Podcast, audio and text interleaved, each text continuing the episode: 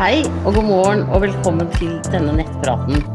Den foregår sånn at du legger inn spørsmålene dine på altformamma.no på ekspertsvar der. Og så leser jeg opp spørsmålene og svarene her på Facebook Live.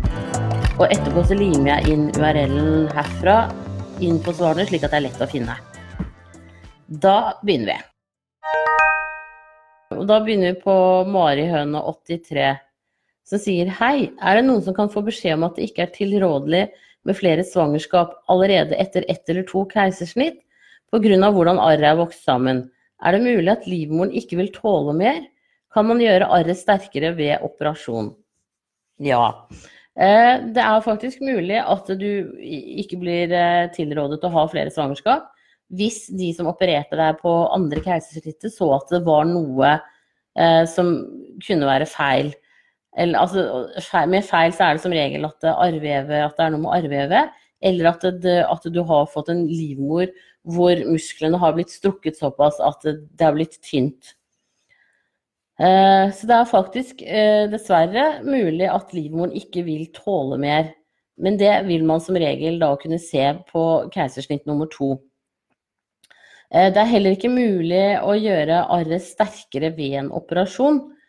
Eh, men noen ganger så kan man, hvis man har et arr eh, hvor det kanskje er noe sånn tynt inni arret, f.eks., kunne ta og operere bort det gamle arret på livmoren. Men det, det, dette her ligger liksom langt utafor min kompetanse. Eh, dette er det gynekologene og obstetrikerne som kan noe om. Så hvis du har fått en advarsel når du på siste keisersnitt, så syns jeg du skal ta og få eh, fastlegen din til å henvise deg til sykehuset hvor du fødte, for en ny vurdering. Eh, da kan man også gjøre en ultralyd og se på livmoren din hvordan den ser ut nå. Eh, og om den trenger også Om det er tilrådelig med flere graviditeter eventuelt.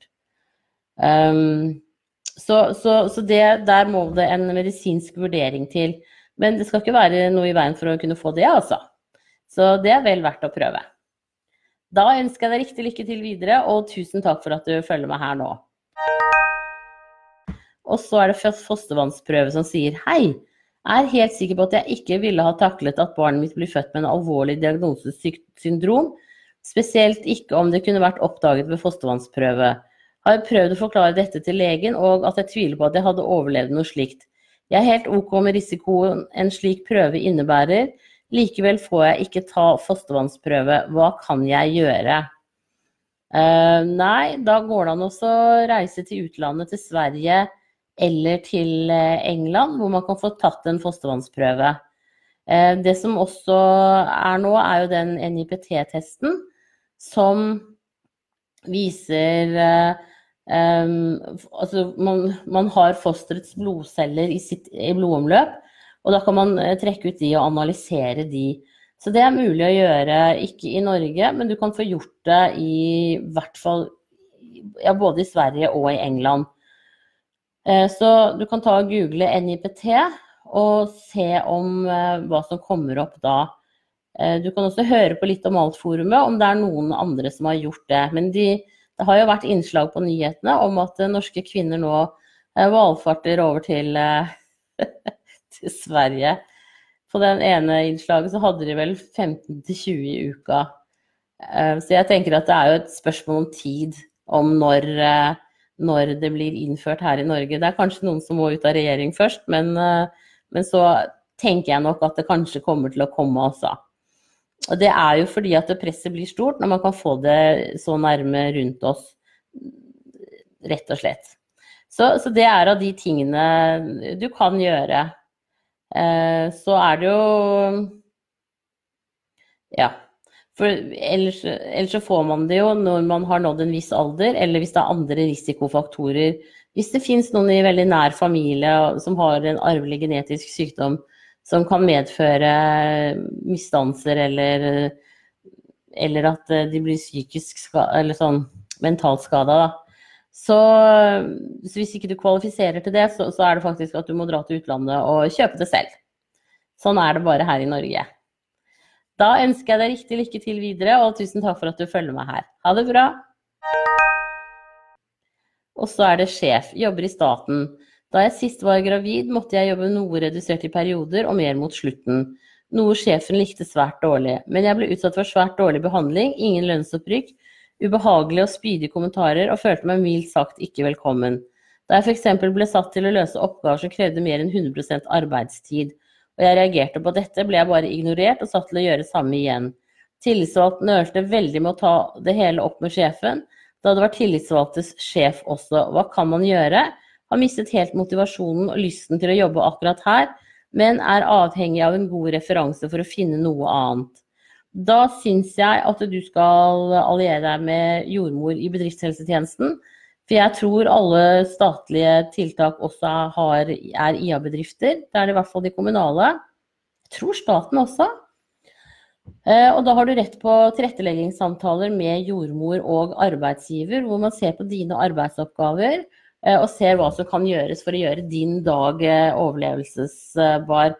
Og og så er det også sånn at hvis du har for mange oppgaver, at det er psykisk eller fysisk eh, stress på jobben, så kan du alternativt få svangerskapspenger. Eh, og det, det, gjør da at din sjef får eh, penger for deg fra dag én, og det regnes ikke som sykefravær. Noe som burde være attraktivt for sjefen din, fordi det er jo veldig ofte sykefraværet man måles på. Så jeg syns du skal ta kontakt med bedriftshelsetjenesten og høre om ikke de har muligheter for en jordmorsamtale med deg og din leder. Og da tenker jeg at da, da, er det jo på en måte, da kan du jo referere til sånn som det var sist. Eh, at du ble satt til å jobbe mer enn 100% Det skal man jo uansett ikke gjøre.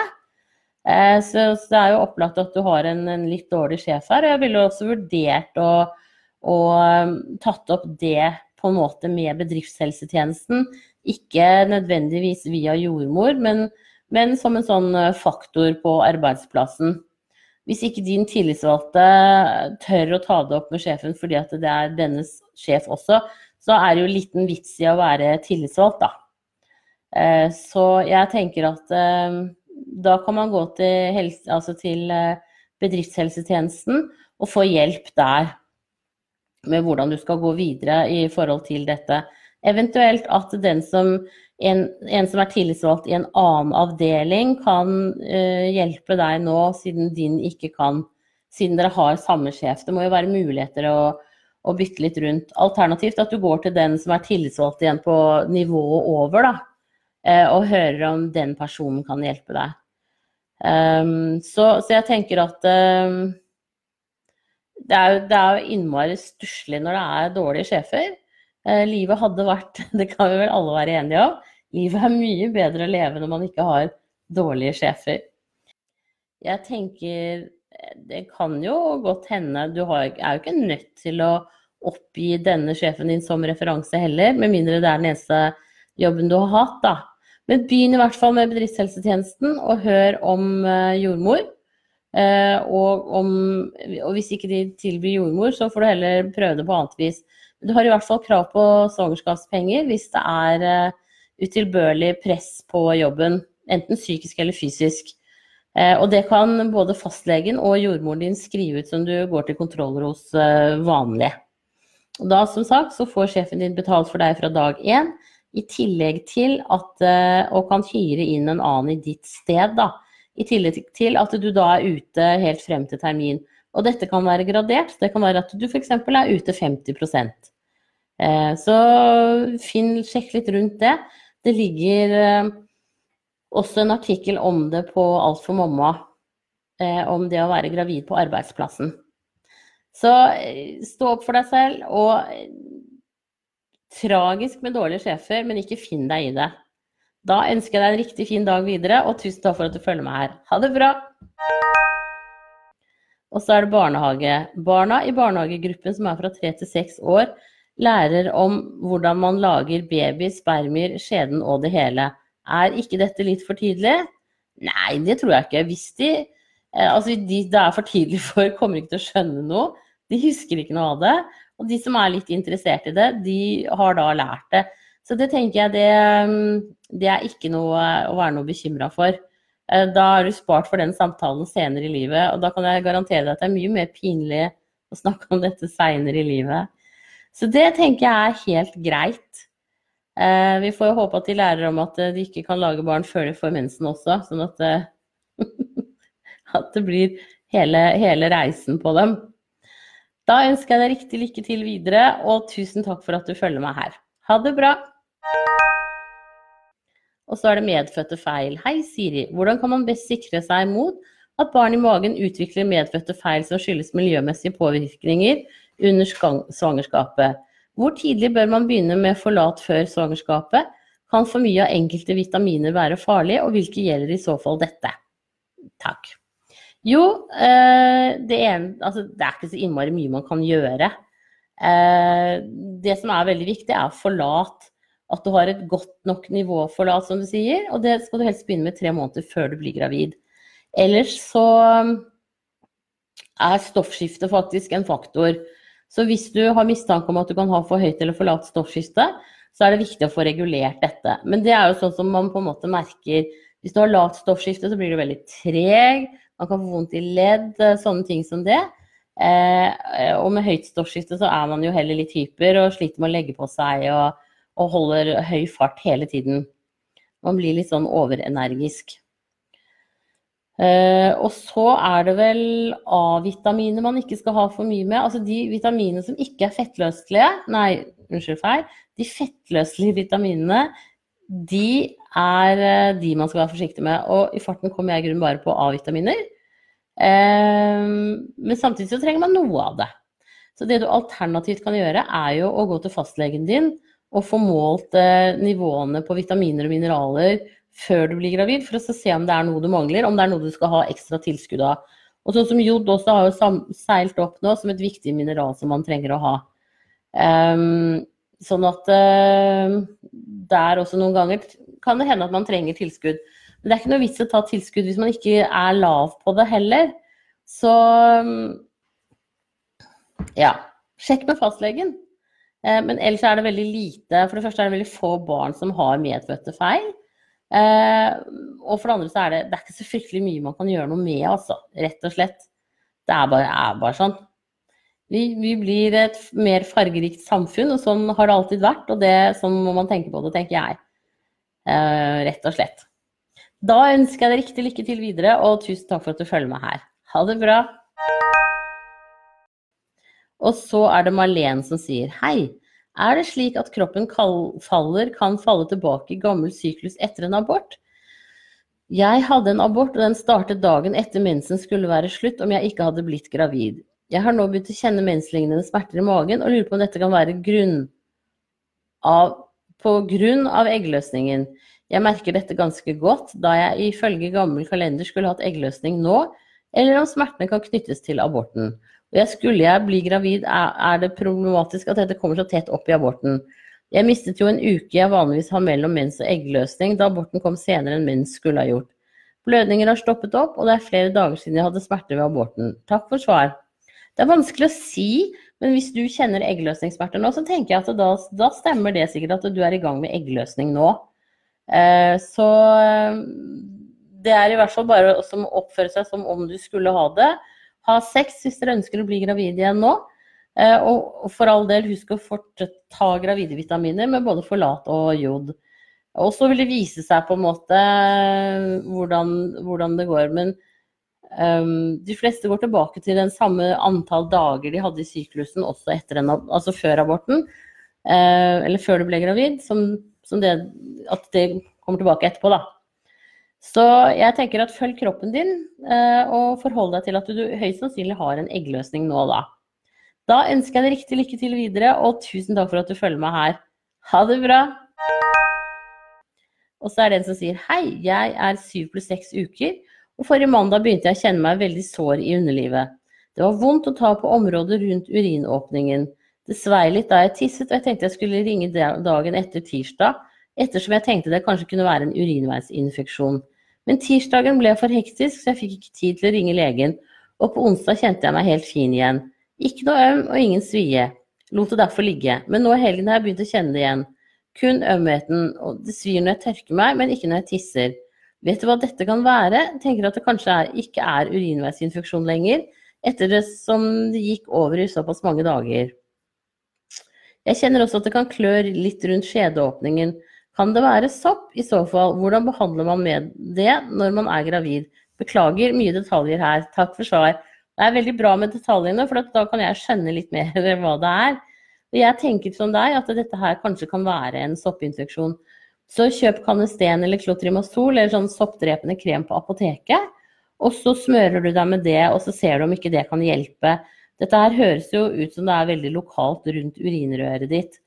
Eh, og så pass på å drikke rikelig, for hvis urinen din blir litt konsentrert, så kan det også gi litt svie når du tisser. Nå sier du at det ikke svir når du tisser, men, men i hvert fall pass på at den er lys og fin i fargen. Så prøv rett og slett eh, noe soppdrepende, og så ikke gå med truseinnlegg hvis du kan unngå det. Det er kjempeviktig. Og så hvis det da ikke gir seg i løpet av en tre til fire dager, så kan det være noe annet. Og da kan det hende at du skulle tatt en tur til legen for å rett og slett få hjelp til å avgjøre hva det kan være. Da ønsker jeg deg riktig lykke til videre, og tusen takk for at du følger med her. Ha det bra! Og så er det Rose86 som sier Hei, Siri. Takk for at du tar deg tid til å svare på alle spørsmålene som vi lurer på. Du gjør en veldig god jobb. Ja, men tusen takk, det var veldig hyggelig å høre. Jeg elsker jo denne jobben. Jeg syns jeg har den beste jobben i hele verden. Tusen takk. Og så er det Ja, skal vi se. Rose fortsetter. Jeg har termin i dag og gleder meg veldig til lillesøster kommer. Jeg har en jente på syv år og har hørt at når det går så mange år mellom hver graviditet, blir man regnet litt som førstegangsfødende. Stemmer det? Jeg har heller ingen tegn på at hun kommer nå. Gikk ti dager over sist, så håper jeg slipper det denne gangen. Jeg får smøre meg med tålmodighet. Nei, har kroppen din vært i fødsel én gang, så har den faktisk det. Og den husker Kroppen husker alt, den. Eh, det er bare vi som ikke alltid husker det med hjernen vår. Så jeg tenker at eh, det er ikke noe problem. Det som er viktig, er at du på en måte er forberedt til å føde.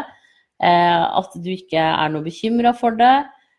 Fortell hjernen din når du får rier at den smerten du får, den er helt normal. Det er ikke noe problem. Det er ikke smerte fordi det er en fare, men det er en smerte fordi det er trangt. Og jeg tenker at det kan man repetere gjennom hver ri gjennom hele fødselen, for da er du med på å berolige deg selv. Hjernen skiller ikke på hvorfor man har en smerte, men den, så for den så er det på en måte en sånt, et faresignal, da. Eh, men det er det jo egentlig ikke. Så jeg tenker at hvis du greier å repetere det nå når du er i fødsel, at, eh, at, dette ikke er en farlig smerte, så tror jeg mye er vunnet på det, faktisk. Så jeg tenker liksom gled, Prøv å glede deg til fødselen. Tenk på dette fantastiske nye Nurket som kommer. Eh, og hvem er hun, på en måte?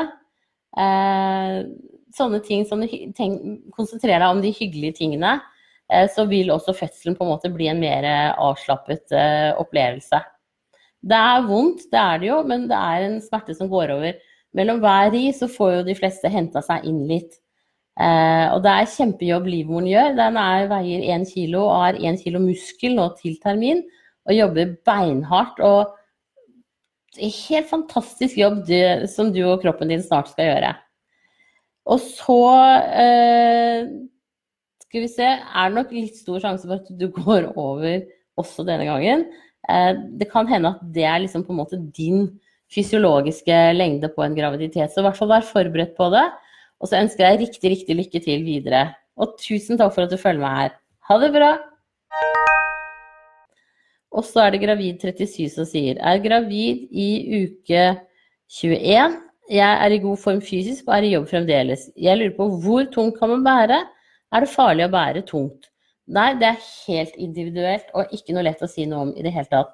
Fordi at um, det kommer an på liksom, hvis, hvis, du er vant til å bære tungt, så tåler du å bære ganske tungt. Hvis du ikke er vant til å bære tungt, så, så, er det ikke så bra. Og nå når du er gravid, så er sener og muskler litt slappere enn ellers. Og det gjør at du på en måte lettere kan få litt kink og forskyvelser og sånn. Så kjenn etter på kroppen din når du har båret tungt, eh, hvordan du har det resten av dagen og dagen etter. Ofte så blir man jo støl og sliten kanskje i to og tre dager. Mens man, når du ikke var gravid, så, så ville du bare vært i én dag. Så det kan gi deg sånne si, ettervirkninger, da. Men, eh, men prøv deg frem. Det er rett og slett det eneste du kan gjøre. Da ønsker og Husk også å løfte med rett uh, rygg. At du ikke bøyer ryggen, men at du bruker beina til å løfte med. Da ønsker jeg deg riktig lykke til videre, og tusen takk for at du følger med her. Og så er det Stina som sier Jeg har en baby på syv måneder og fant ut at jeg er gravid igjen. Mildt sagt et lite sjokk, men vi er glade. Jeg ammer babyen på syv måneder. Utgjør det noen risiko for den i magen, eller kan jeg bare fortsette å amme? Du kan bare fortsette å amme, ikke noe problem. Eh, du kan amme to babyer om du vil. Eh, det kan du også lese mer om på Ammehjelpen sine nettsider om søskenamming der. Eh, og det kan jo være greit også, men det er aldeles ikke noe problem. Fordelen nå er at du kommer til å ha melk når den nye babyen kommer. Så det er superbra. Da ønsker jeg deg riktig lykke til videre, og tusen takk for at du følger med her. Og husk å ta gravidevitaminer med forlat og jod. Ha det bra. Og så er det Hei Siri som sier Jeg er gravid i uke åtte. Jeg har en veldig aktiv treåring som liker veldig godt å hoppe opp til meg, bli båret samt å klatre på meg. Jeg har latt henne gjøre dette, men nå begynner jeg å bli litt bekymret for barn i magen. Hvor mye kan jeg bære henne og la henne klatre på meg? Kan det skade fosteret? Jeg liker ikke å måtte avvise henne. Nei, det er ikke noe farlig. Babyen ligger trygt inni magen ja, til godt over uke 15. Eh, og så tenker jeg at etter hvert så kan du jo begynne å fortelle at du har en baby i maven. Sånn ja, kanskje rundt uke 20 et eller annet sted. Eh, og at du på en måte derfor er litt sliten og ikke kanskje orker å bære henne så mye. da. At du på en måte venner henne til at eh, din kropp ikke er så tilgjengelig for henne. da. Men med kos og sånn, at det Nå er jo klatring også helt sikkert en form for kos. Men at hun kan sitte kanskje roligere på fanget ditt, og at dere kan kose sammen eh, gjøre sånne ting. Um, og du kan bære henne så lenge du vil, men du må på en måte kjenne på når begynner det å bli for slitent. Altså når begynner du å bli for sliten, og da forteller du henne det at du er gravid med en til. Um, men det kan ikke skade fosteret, altså. Før så trodde man at ved å bære tungt så kunne man abortere, men det stemmer ikke. Heldigvis, det gjør det ikke. Da ønsker jeg deg riktig, riktig lykke til videre, og tusen takk for at du følger med her. Da var det dagens siste spørsmål, så nå avslutter jeg denne direktesendingen. Den ble delt i to fordi at jeg mista linja plutselig. Eh, så hvis jeg limer inn eh, første og andre del i forhold til hvor eh, langt de har kommet i, i spørsmålene her. Hvis det kommer inn noen flere spørsmål disse siste minuttene, så, tar, så svarer jeg skriftlig på dem. Men alle skal få svar. Da ønsker jeg dere en strålende dag videre, og ha det bra.